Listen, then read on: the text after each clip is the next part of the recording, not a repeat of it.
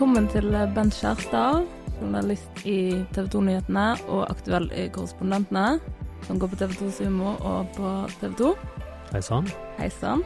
Ja, mitt eh, inngangsspørsmål til alle gjester egentlig, det er hva de drømte om som liten. Hva vi drømte om som uh, liten? Ja, hva drømte du liksom uh, å gjøre med livet ditt, da?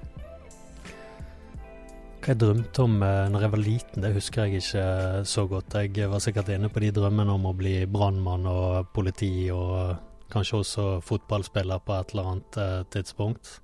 Og så tror jeg kanskje jeg òg drømte om å bli litt sånn Bruce Lee en gang i tiden. Men sånn etter hvert når jeg ble eldre, så tror jeg egentlig jeg hadde veldig lyst å bli fotograf. Mm. Og så var det en stund jeg også hadde veldig lyst å uh, bli kokk. Ja. Men så endte jeg opp med å bli journalist. Så endte du opp med å bli journalist. Men de tingene har kanskje litt sånn fellestrekk da, med å uttrykke seg og sånn? Formidling. Ja, kanskje. Eh, foto eh, kan jo ligge ganske nært Mm. journalistikken. Ja. Eh, det kommer jo helt an på hvilken retning jeg hadde valgt eh, innenfor eh, fotografiet, men eh, per i dag så bruker jeg foto mye. Det er fortsatt en av de tingene jeg er veldig opptatt av, og jeg bruker eh, foto veldig mye i jobben min. Det, jeg tar mye bilder når jeg er ute, av mennesker jeg møter, steder jeg er. Og det handler litt om å ta med seg de inntrykkene tilbake igjen, og kunne ta opp igjen disse bildene og se på det, og, og eh, bruke det i, i forhold til de fortellingene jeg skal lage. Og, og Mm. ikke minst også holde minnet om de stedene jeg har vært, sterkere. Ja. Så det å ta bilder, det er jeg eh, veldig opptatt av. Og så har jeg så heldig at jeg kan gjøre det nærmest på hobbybasis. Og det samme med matlaging. Ja. Det er også en av mine store lidenskaper. Jeg tror kanskje det at eh, for min del så er har det vært ganske greit å bare kunne ha det som en avkobling istedenfor at jeg skal livnære meg eh, av det. Mm. Og hvis jeg skikkelig skal slappe av, så lager jeg et stort måltid. Mm. Da slapper jeg av når jeg har tid til å lage mat, og eh, da nyter jeg det bare. Er det sånn du gjør når du kommer hjem fra reiser og reportasjeturer? Og Ja, Ja. det er det. Da koker jeg kraft på gode bein, og eh, jeg eh, langsteiker alt jeg kan komme over, og bare nyter livet. Ja. Og du får jo sett eh, alle kriker og kroker i verden, egentlig. Og får jo sikkert litt inspirasjon på matfronten, da. Tar du det med hjem?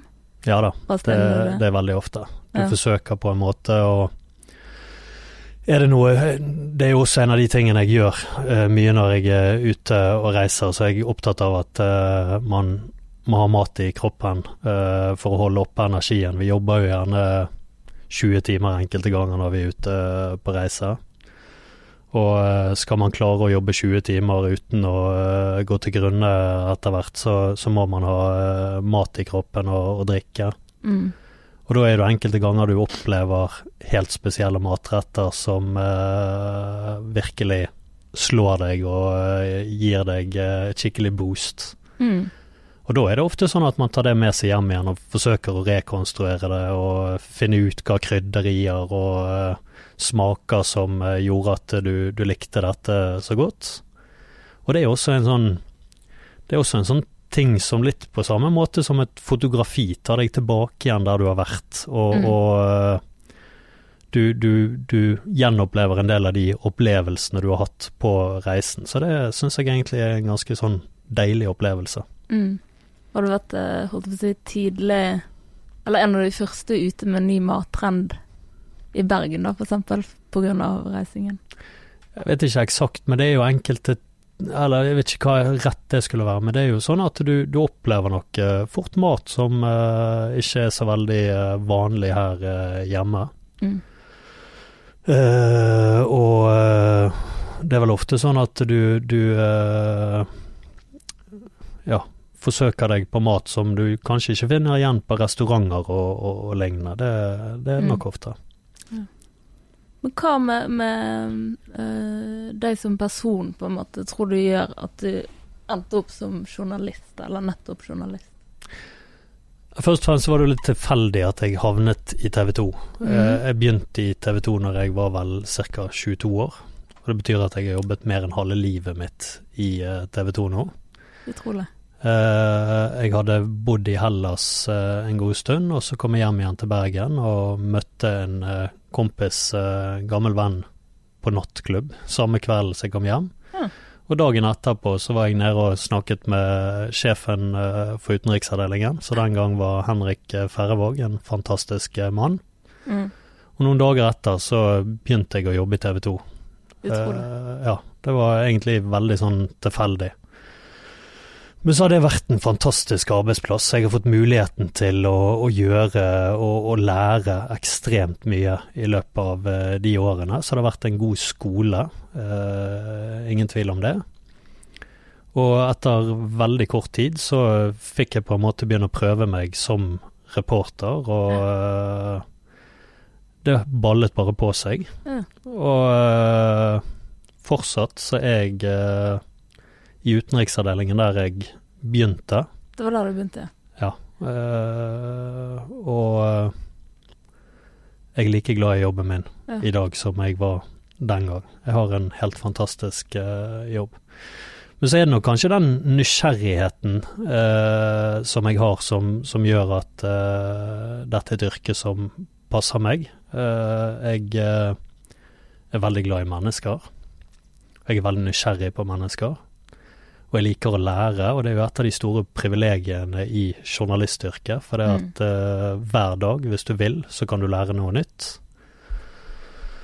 Og uh, så er det også en sånn ting som er med jobben. Du, du kommer aldri fram til en sånn endelig løsning, eh, en endelig fasit. For den finnes selvfølgelig i mange sammenhenger, men det, det er veldig mange forskjellige retninger ting kan gå. Mm. Og uh, det gjør at eh, det, det er utrolig interessant også. Det er det. Men hvor, husker du hvor uh, første turen gikk? Eller første Første reisen, jeg lurer på om det var, det var ikke Var det munn- og klovsyke som herjet rundt omkring i Europa skapte full panikk eh, der litt ut på 19, eller mot slutten av, av 90-tallet? Jeg lurer på om eh, det var kanskje en av de første sånn rykkene jeg var på. jeg tror, Ja, hvilket land, husker du? Jeg tror det var Belgia, og så møtte jeg en eh, eh, bonde, husker jeg, som eh, drev sånn økologisk, eller biodynamic som de eh, kaller det i, i EU-landet. Eh, en svær kar som eh, kom ut og eh, møtte oss i en sånn eh, skikkelig uh, saueullsvest, og, og han minnet meg vel mest om han Gerard Depardieu, skuespilleren, den franske skuespilleren. Det var en fyr som hadde haugevis med sauer, men han kunne navnet på alle sauene sine. Og uh, uh, gården uh, lå like ved en by som heter Florenville. Eh, ikke så langt fra eh, et område der eh, det var en, en voldsom fæl historie med en mann som hadde gravd ned masse lik i huset sitt. Oi. så så Nei, det, det skjedde ikke da, det skjedde før. Eh, men uh, Mark Dutrå het han, Ja. eh, drapsmannen. Men eh, det tror jeg var en av de første sånn reisene, eller rykkene, jeg var ute på. Ja. Kan du huske hvordan det føltes? Uh... Det føltes jo stort. ja, Det føltes jo helt uh, fantastisk. spent. Nervøs er ikke jeg så veldig, veldig ofte, men uh, jeg husker det at jeg var veldig giret på å gjøre dette så godt som mulig. Mm. Og så er det sånn at du er jo egentlig ganske blank Ja. når du er så ung og, og det er så tidlig i karrieren din. Eh, men uh, saken med han, den, den har jeg faktisk lyst til å gå tilbake igjen og se på på jobben. For den, eh, den mener jeg å huske var ganske fin. Den ligger da fortsatt i arkivet. Den ligger nok i arkivet fortsatt. Mm. Så den, det, men det tror jeg var den første turen. Og så har det blitt ganske mange turer etterpå. Ja, Er det noen turer som på en måte har skilt seg fra andre, eller utmerket seg på noen måte, da, som sitter litt ekstra i? Mange Alle turer er egentlig ganske forskjellige. Eh, men så er det selvfølgelig hendelser som eh, har vært eh, spesielle. Og det når du, når du spør meg om den første turen, så er det én tur til Sri Lanka som jeg husker uh, veldig godt. Det var også en veldig sånn tidlig tur. Da var jeg Mm. en av de første journalistene som var inne i uh, de tamil, eh, områdene tamiltigrene styrte. Mm.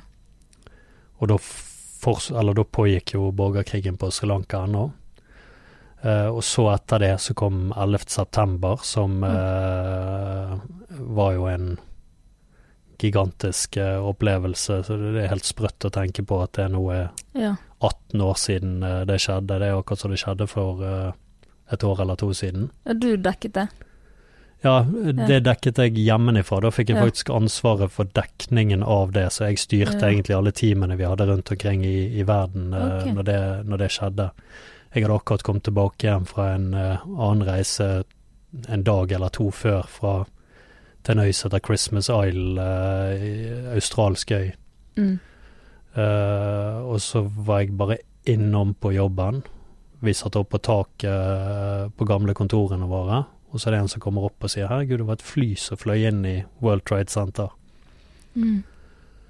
Og så tenkte vi bare at det var et småfly som hadde krasjet, og så kommer vi ned, og så ser vi på TV-skjermen at plutselig så kommer det ett til fly eh, inn i det andre tårnet.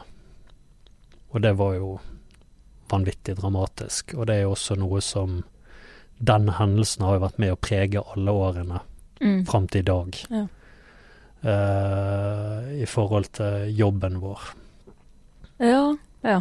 Det, Så, så sånn sett så er jo, er jo det en av de virkelig store. 22. juli, selvfølgelig en Ja. hendelse som uh, uh, sitter godt. Igjen. Eh, og den var jeg med å dekke. Da reiste jeg først til Oslo. Eh, var med eh, den første kvelden når vi på en måte forsøkte å finne ut hva som hadde skjedd, og hvem Ja. som kunne stå bak dette. Og så reiste jeg videre til Storbritannia, for da var det linker til eh, Ja, ekstreme ta- miljøer ja. i Storbritannia, og eh, var egentlig på reise i tre uker, tror jeg, etter eh, 22. Mm. juli, og reiste rundt i Europa til mennesker, ikke likesinnede, men, men mennesker som hadde en del av de samme holdningene. mm. Eh, og jaktet egentlig på forbindelser eh, der. Så det var litt spesielt også, for da var jeg Da reiste jeg vekk fra Norge. Ja. Når på en måte Norge eh, forsøkte å, å, å på en måte håndtere det som hadde skjedd. Mm. Og eh, det ble egentlig litt rart, for det at eh, jeg gikk glipp av den opplevelsen av å være her Mm. og være en del av, eh, av det som skjedde her i Norge. Ja. Så den, den er litt på avstand, selv om, selv om det er noe som uh, selvfølgelig var, var stort. Uh, eller en Mm. spesiell hendelse opp gjennom de årene. Hvordan er det å møte f.eks. høyreekstremister i London, da, eksempel? Um, eller hvordan går man fram for å kunne på en måte ha en mm, Jeg vet ikke om jeg skal si nøytral samtale, men på en måte kunne møte de og Ja, nå, nå har jeg møtt mange høyreekstreme, men jeg har også møtt mange eh, ekstreme på den motsatte Ja. siden. Eh, jeg har møtt mennesker som eh, i dag eh, kan figurere på en video der de dreper andre mennesker. mm. Uh, og for meg så har det alltid vært viktig i den jobben min å forstå. For det at skal jeg Mm. kunne videreformidle forståelse til seerne våre eller leserne våre, Mm. så må jeg også gjøre det jeg kan for å forstå. Det er derfor vi reiser til de områdene vi, vi reiser til. Eh, det er derfor vi snakker med de menneskene vi snakker med. Mm.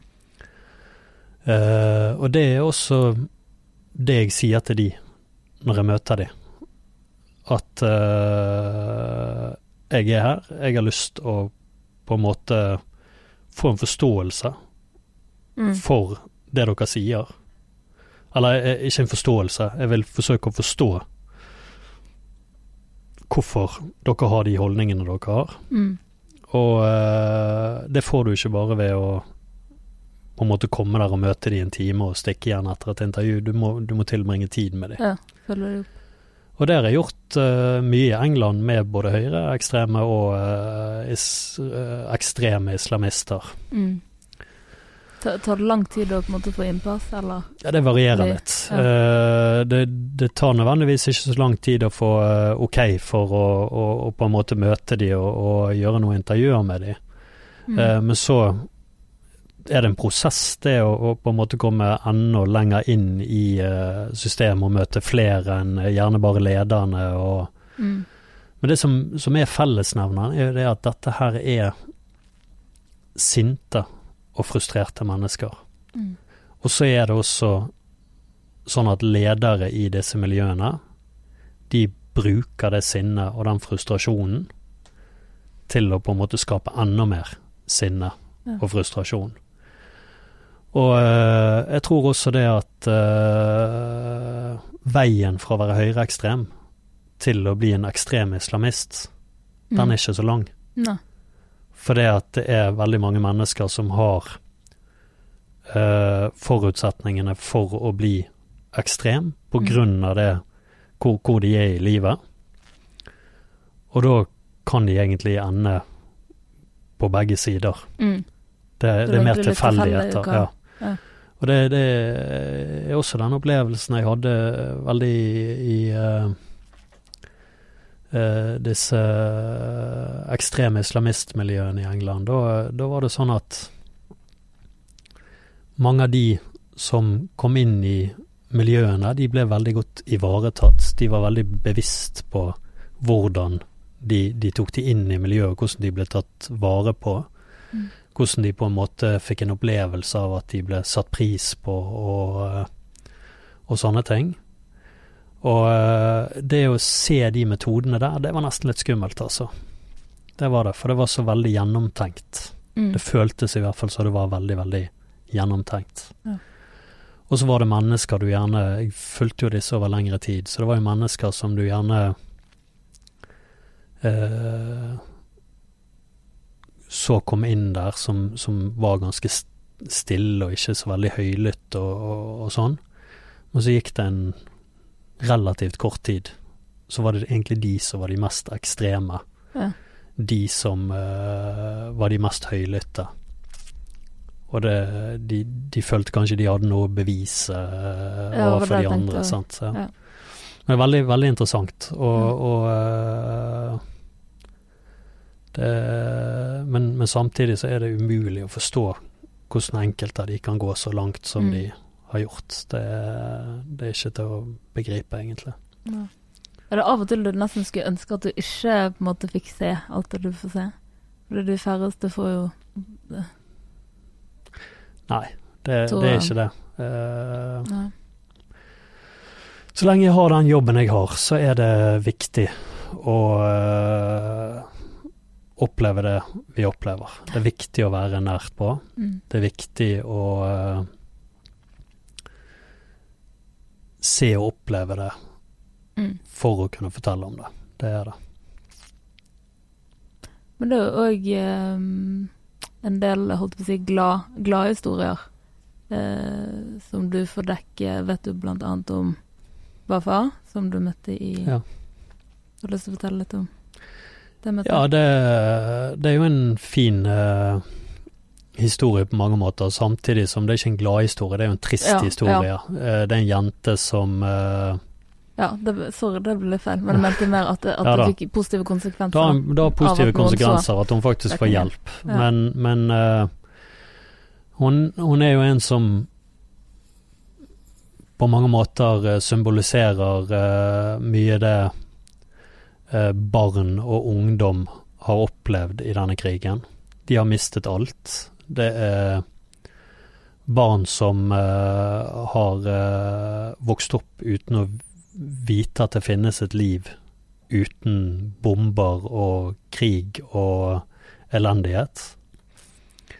Og det som er med Wafa, er at hun i tillegg har blitt offer for disse bombene. Hun eh, har eh, voldsomme brannskader som hun fikk i et bombeangrep i Aleppo. Eh, jeg husker første gang jeg så henne, så var det i en flyktningeleir i Aleppo, eller rett utenfor Aleppo. Det var etter at kampene i Aleppo hadde roet seg betraktelig.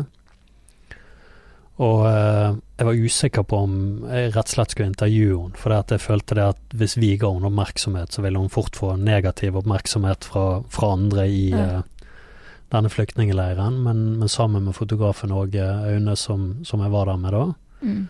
så ble vi enige om at vi, vi gjør det intervjuet. Mm. Og så har jo eh, det endt opp med at eh, Elisabeth Hoff i Verdens helseorganisasjon, en norsk kvinne som, som leder da eh, Verdens helseorganisasjon sitt arbeid i Syria, de ble oppmerksom på henne.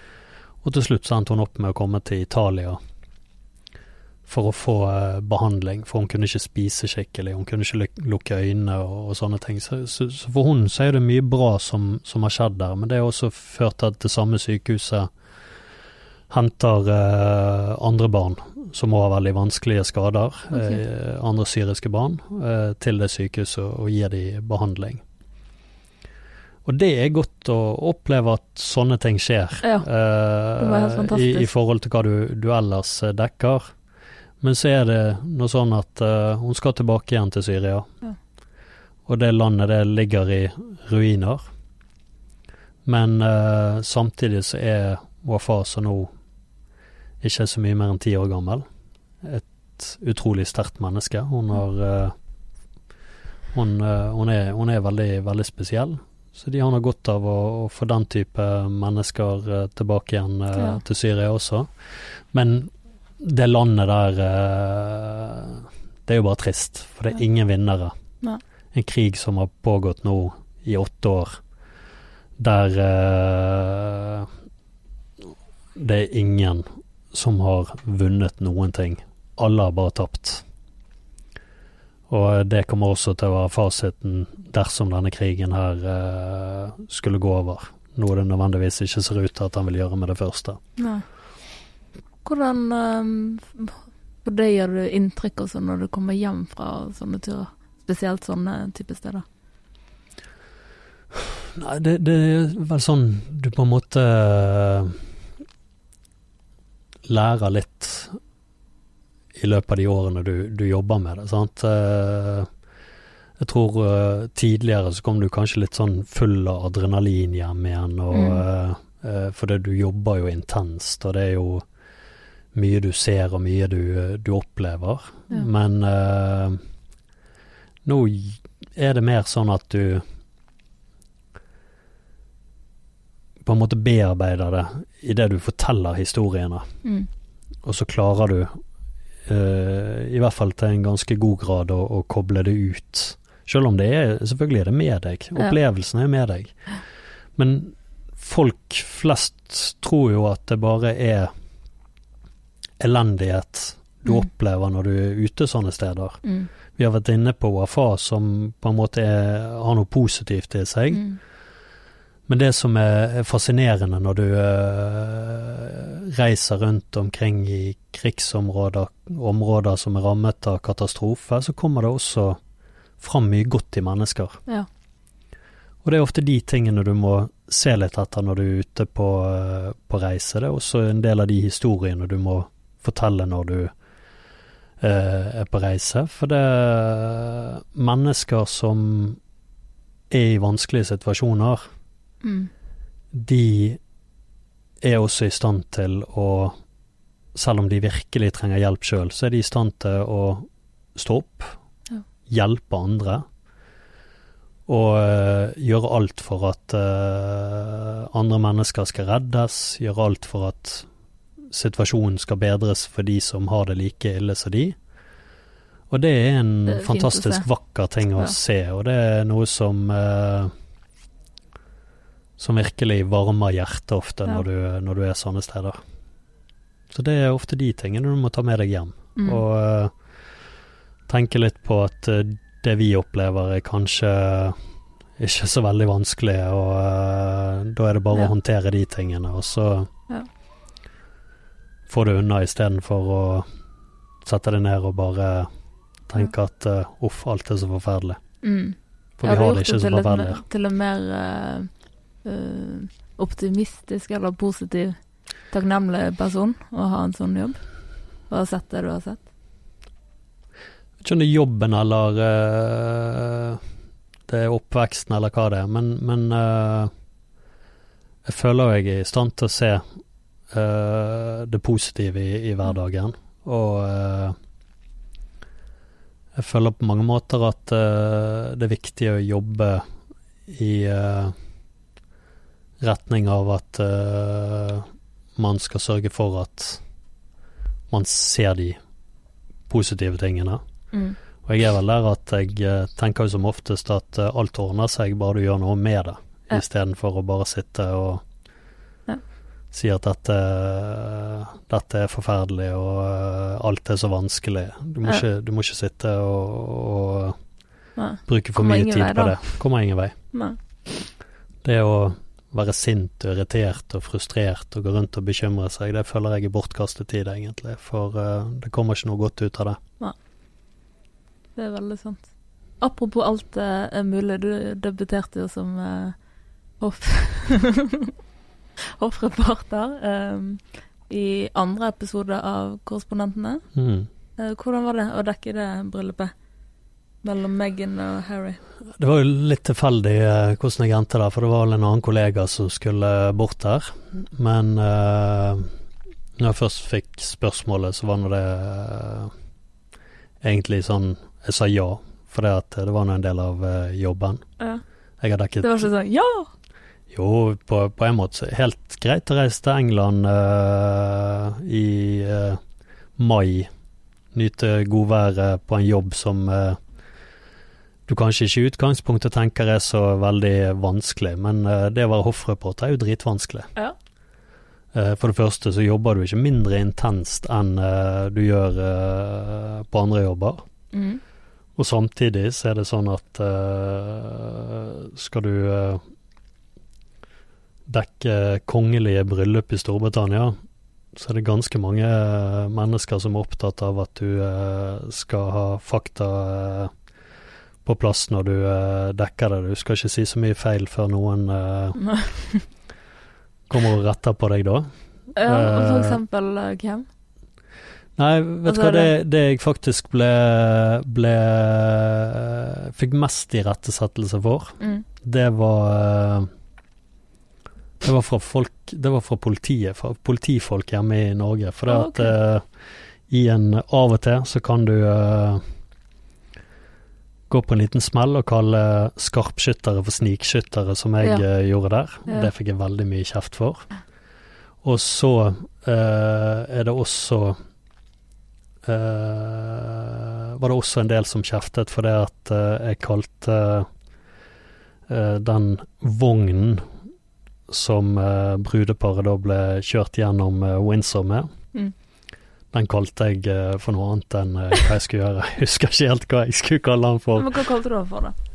Husker du Jeg tror jeg eh, Jeg kalte den ikke hest og kjerre, men jeg husker, jeg husker ikke helt hva jeg kalte det for. Mm. Men så, så det at uh, du skal være korrekt Ja. når du uh, dekker det meste. Ja. Og det er også samme Jeg har dekket Oscar-utdelingen i Los Angeles. Kjempegøy. Men Mm. du skal faktaen eh, du skal, du skal ikke tulle med fakta der heller. Det, og det er viktig, uansett hva du eh, dekker. Ja. For det, grunnen til at vi dekker et bryllup i Storbritannia, er jo fordi at det er mange som er opptatt av det. Ja. Det er mange som følger med uh, på sendingen, og det skal Ja. man ha respekt for. Og eh, da skal du lese deg opp, og du skal uh, sørge for at du kan formidle ikke bare stemningen, men også det som skjer inne i kirken, og, og det som opptar eh, seerne våre Ja. på alle nivåer. Fra de som kanskje bare detter innom sendingen, men også til de som sitter og følger den sendingen Gjennom. fra den starter, og i alle de timene dette bryllupet varer. Ja. Men hvordan eh, Jeg føler kanskje at folk kan irettesette fordi en jobb som er så synlig, da, på en måte. Så hvordan er, hvordan er det å ha en jobb som er så synlig? Andre har jo kanskje jobb der det kun på en måte er kollegaer som får se hva de holder på med. Det, det man som journalist må være eh, flink til, er jo å eh, dekke dette på en måte der man, man er upartisk, sant. Ja. Uh, og så er jo det uh, å la andre slippe til med sine meninger, men man skal ikke sitte med sine en, egne meninger oppi dette. Men sånn som klimaet i dag, så er jo det sånn at det er veldig mange som Lager, lager du en sak der det er noen eh, som har sterke meninger som Mm. slipper til, eh, så forsøker vi alltid balansere det med at det er en motvekt til den sterke stemmen. Mm. Men eh, klarer man å lage en sak der det er to stykker som er i en konflikt, så er det akkurat som om enkelte seere ikke helt ser at det er ikke du som har sagt det det ene intervjuobjektet eh, har, eh, har ytret, Mm.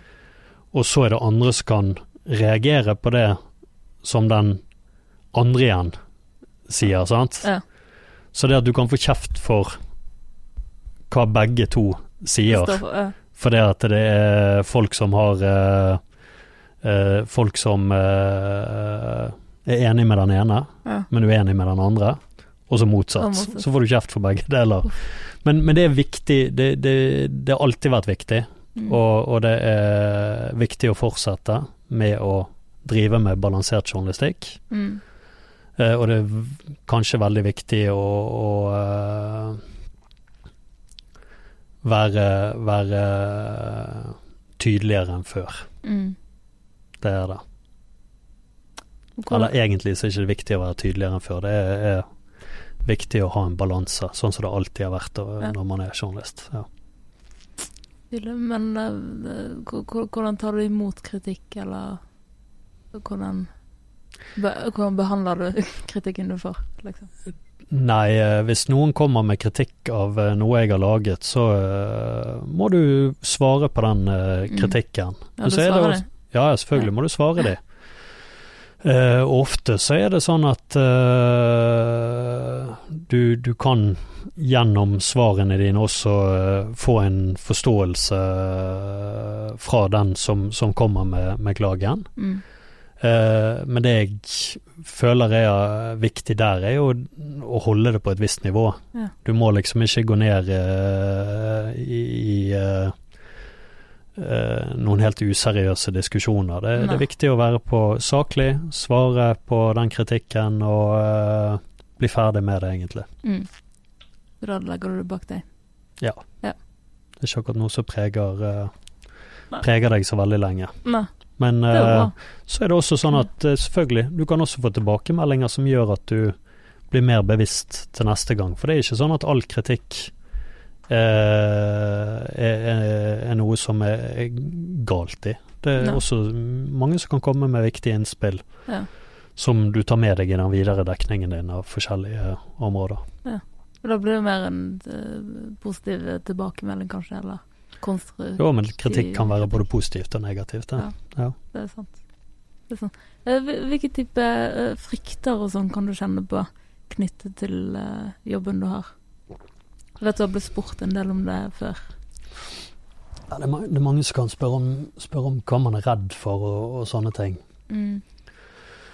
Eh, man eh, Og så, så er det mange som eh, På en måte det, det å være redd Det er forskjellige grader av det, sant. Men Mm. reiser man inn i et område der det pågår en konflikt, reiser man inn i et område som akkurat har blitt rammet av en katastrofe, så skal man på en måte være redd for hva skal skje.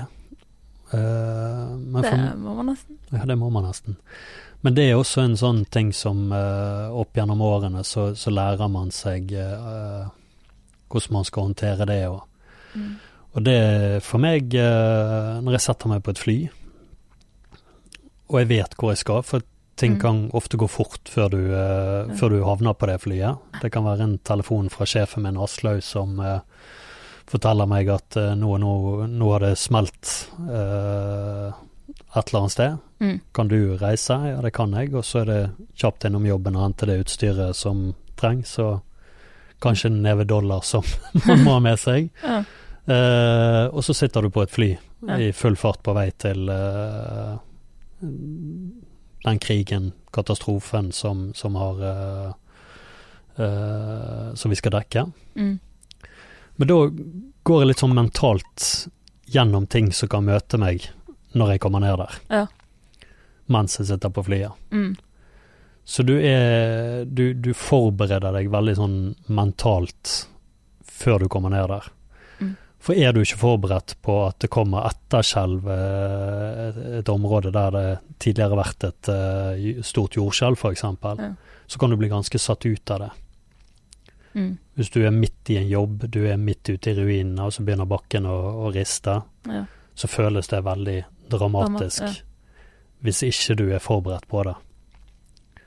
Men hvis du er mentalt forberedt på at det kan skje, Mm. at eh, det også plutselig kan bli skyting i området rundt deg, at det plutselig kan bli bombing eh, rundt deg, Mm. hvis du er mentalt forberedt på det, så er det mye, mye enklere å håndtere. Og hvis du også da i tillegg er utstyrt med det riktige utstyret for å håndtere sånne situasjoner, Mm. og samtidig du har en tanke om hvordan du skal komme deg ut, og hvordan du da skal ivareta din egen sikkerhet, så er det, er det veldig mye enklere å oppleve og da føles det ikke så veldig dramatisk lenger. Men eh, eh, går du du, eller du går gjennom sikkerhetskurs, og at man Ja blir litt brifete sånn på jobben, da. Ja da, Men dere alle vi som, alle vi som eh, reiser eh, til den type områder for TV 2, vi Mm. har eh, gått gjennom eh, flere sikkerhetskurs, og vi har jevnlig oppdatering på eh, førstehjelp og, og sånne ting. Mm.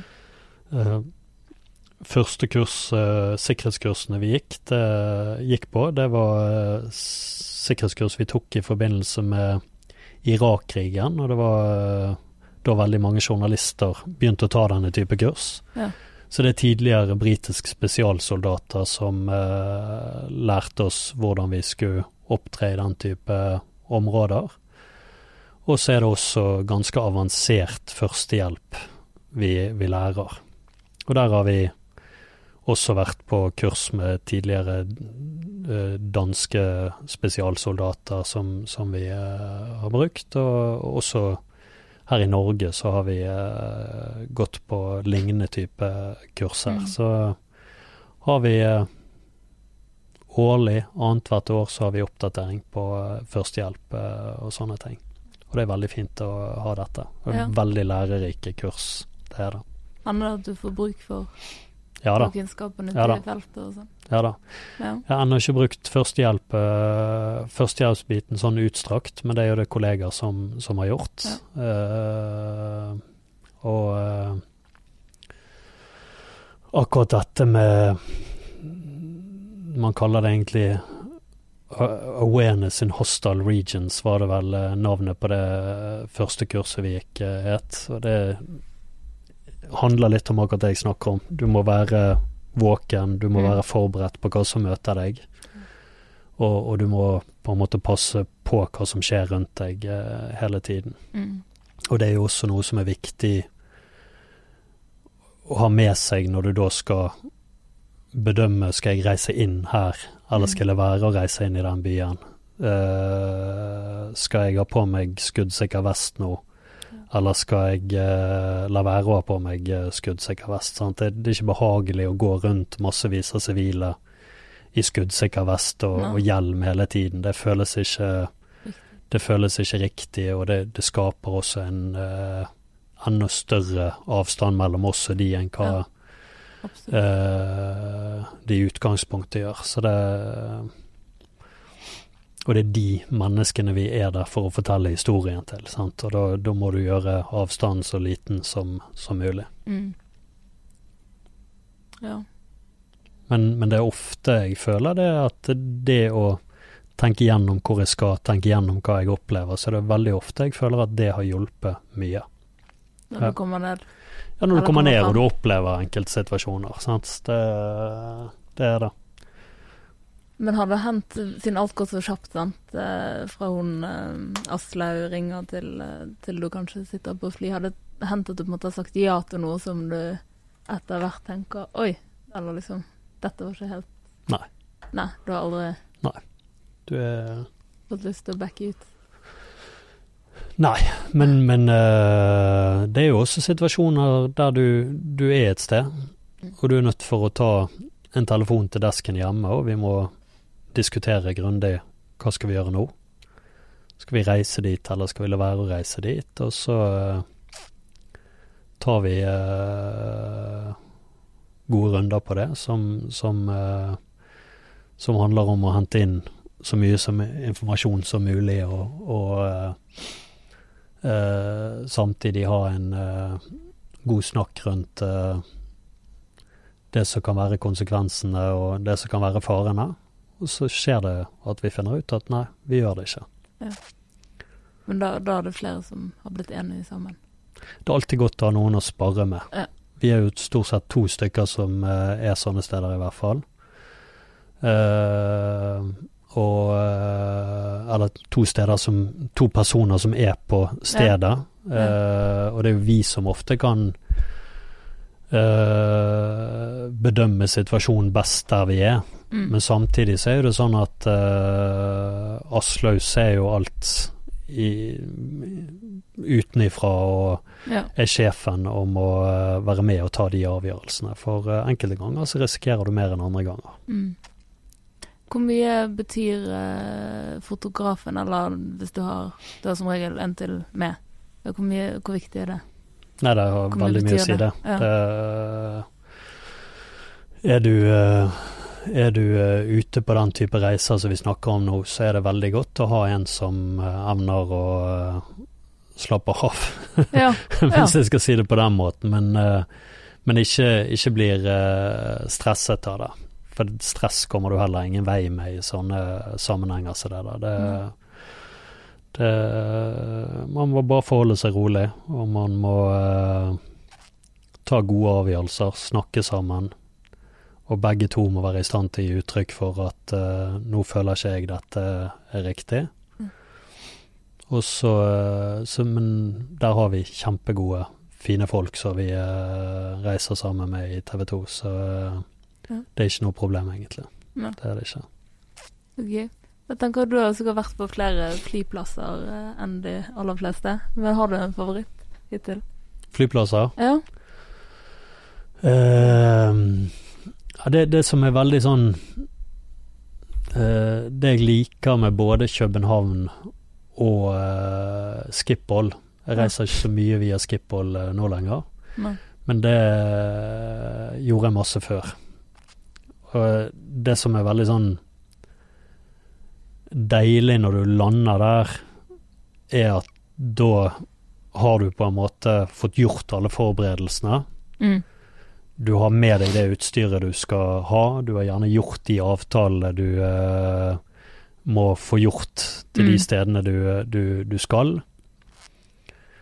Eh, hvis ikke så gjør du det på flyplassen Ja. før du går på det neste flyet. Og den følelsen når du da går inn eh, til flyet, den, den er veldig god. Ja. For da er det, uansett egentlig hvor jeg skal, da senker det seg en sånn ro over meg. Ja. For da er det bare å sette seg på det Ja, da har du gjort det du skal. Og så må du bare gjøre resten av jobben når du kommer fram. Kommer For da har du noen timer eh, Det kommer jo helt an på hvor langt du skal av gårde. mm. Men da har du noen timer på flyet der du bare må finne den roen Mm. og spare opp energien og, og begynne med de Ja. forberedelsene oppi hodet som, som trengs å gjøres, uh, avhengig av hvor du skal.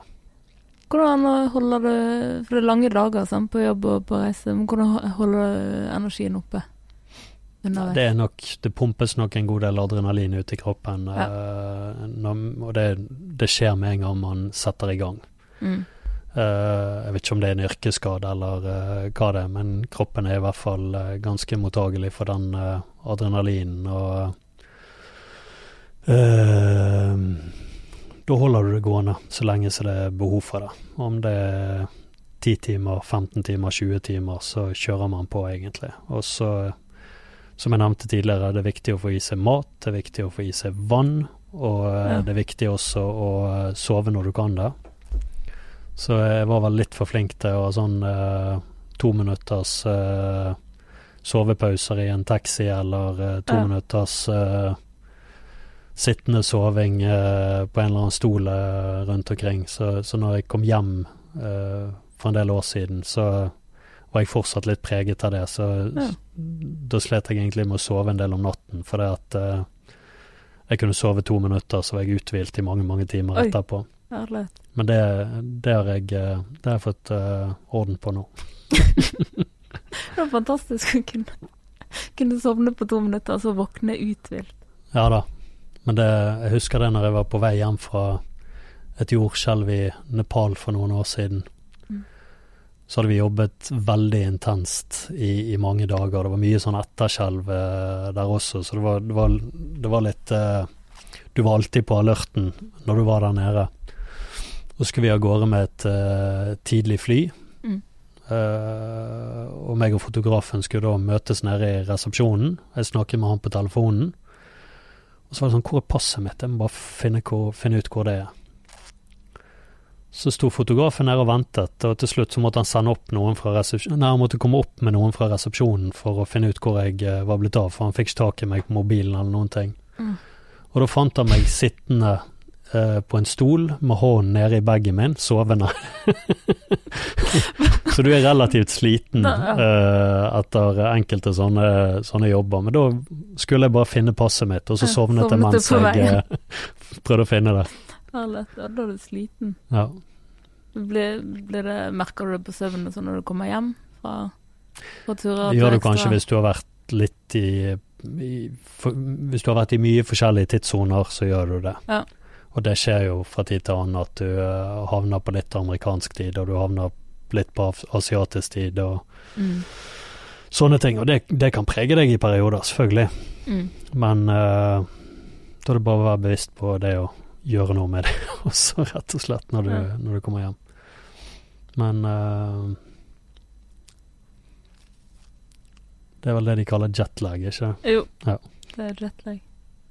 Men hva sånn ellers, hva, hva, hva inspirerer deg? Hva blir du inspirert av? Hva jeg blir inspirert av? Ja.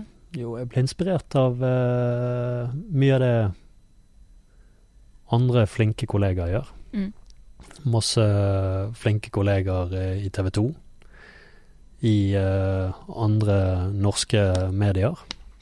Finner, finner jeg mye inspirasjon av det som eh, eh, Den jobben som kollegaer gjør. Mm. Internasjonalt så er det mye bra som, som gjøres. Men så er det også dette her med å eh, som, som er veldig bra med jobben òg. For det at Mm. du kommer aldri til et punkt der du på en måte ha, Nå kan ikke gjøre det bedre. Nei. Nå kan ikke gjøre det tydeligere. Nå, nå, du kan alltid lære Mm. av den forrige jobben. Ja. Og eh, jeg kan gjerne si til meg at si til meg sjøl at eh, nå har du gjort en god jobb, men da tenker jeg også alltid samtidig på hvordan kan jeg gjøre den bedre neste gang. Og det inspirerer meg en del, for det, at eh, det er alltid noe å strekke seg etter. Mm. Det er alltid noe du kan Du kan alltid unnskylde med at du hadde dårlig tid, eller det var et eller annet som skjedde, og bla, bla, bla. Ja. Men det må ikke du bry deg med. Du må bare tenke da på hvordan kan jeg gjøre det på en bedre måte, på en tydeligere måte, uh, uansett om alle disse tingene skjer, sant. For det, det er bare støy så du skal på en måte ikke bry deg så veldig, veldig mye med. Mm. Men det å gjøre det mer forståelig, gjøre det bedre, gjøre det eh, Gjøre det på en måte som, som fanger seeren vår, og, og sørger for at seeren vår forstår Mm. hva som skjer der vi reiser. og forstår den situasjonen Mm. de menneskene vi intervjuer er i, Mm. og hele tiden bli bedre på å, å fortelle seerne våre om de tingene der. Mm. Det er egentlig det som gir meg inspirasjon Og motivasjon. og motivasjon. Nydelig. Um, så lurer jeg på om du har noen tips til andre som har lyst til å gå samme veien som du har gått. I forhold til det å bli eh, journalist, Ja, og gjerne utenriksjournalist, da. Og det er jo veldig mange eh, holdt å si, unge journalistspirer som vil Ja. akkurat i den. Ja da, og det, det er sikkert sånn at det er veldig mange mennesker som uh, kan se på det som spennende, og det er det. Ja. Det er en veldig spennende jobb. Men samtidig så må man også huske at det er en utrolig krevende jobb. Mm. Det krever uh, mye av en i forhold til Uh, at man må uh, være vekke mye og uh, jobbe mye når man først er det, også her hjemme. Men tipsene er nå egentlig det, det er så mange veier å gå, sant? Eh, men uh, man kan begynne i en lokalavis og, og på en måte jobbe som journalist der. Mm. Uh, man kan begynne i noen av de store redaksjonene, men jeg tror det som jeg har vært heldig med, er jo det at jeg har jobbet i en redaksjon som TV 2-nyhetene, og rett og slett lært meg at dette er noe jeg liker, dette er noe jeg brenner for. Ja. Og det viktigste er kanskje å øh, på en måte ha en lidenskap til jobben. Ja. Uh, jeg tror kanskje noen kan ønske seg en jobb for det at uh, Eller en jobb som, som utenriksjournalist eller TV-journalist fordi at eh, de tenker at det er en oppmerksomhet eh, man får rundt det, og, og sånne ting. Så det, det, for meg så handler det om at man må kjenne at man har en lidenskap Ja. til det man driver med, og det har, uansett hva man, man skal velge i livet. Uh, og uh, med den lidenskapen så klarer man kanskje å nå fram til de tingene man, man ønsker å gjøre til slutt. Men det er ikke noe sånn Jeg kan ikke si at det er en viss vei å gå, for Nei. det Men dette var veldig gode tips, da. Ja, men, men det viktigste er at man kjenner at man har en lidenskap i forhold til å skape forståelse Mm. og fortelle de historiene som man får anledning til å gjøre når man driver med det jeg gjør. Hva, hva er den største gaven du føler du får av å ha den jobben du har? Og hva er det fineste du tar med deg, på en måte?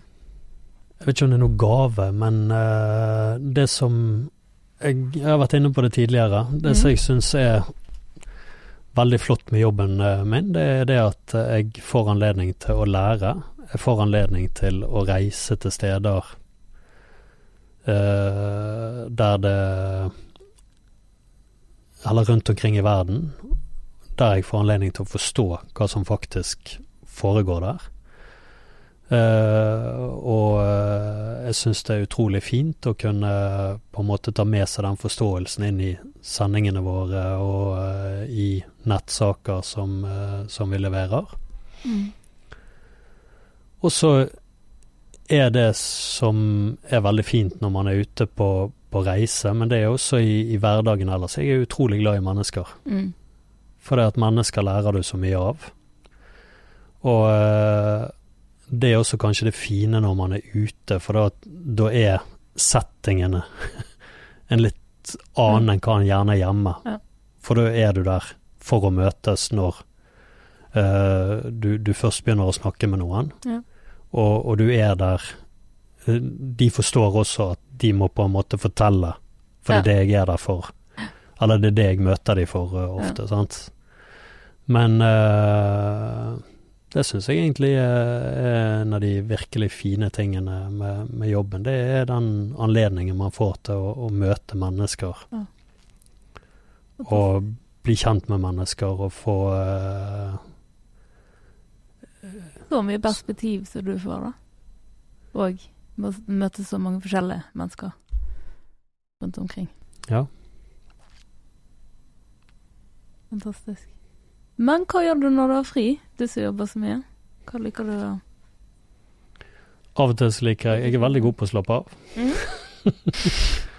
Nei, det, det varierer. Ja. Enkelte ganger så er jeg glad i å stå på ski.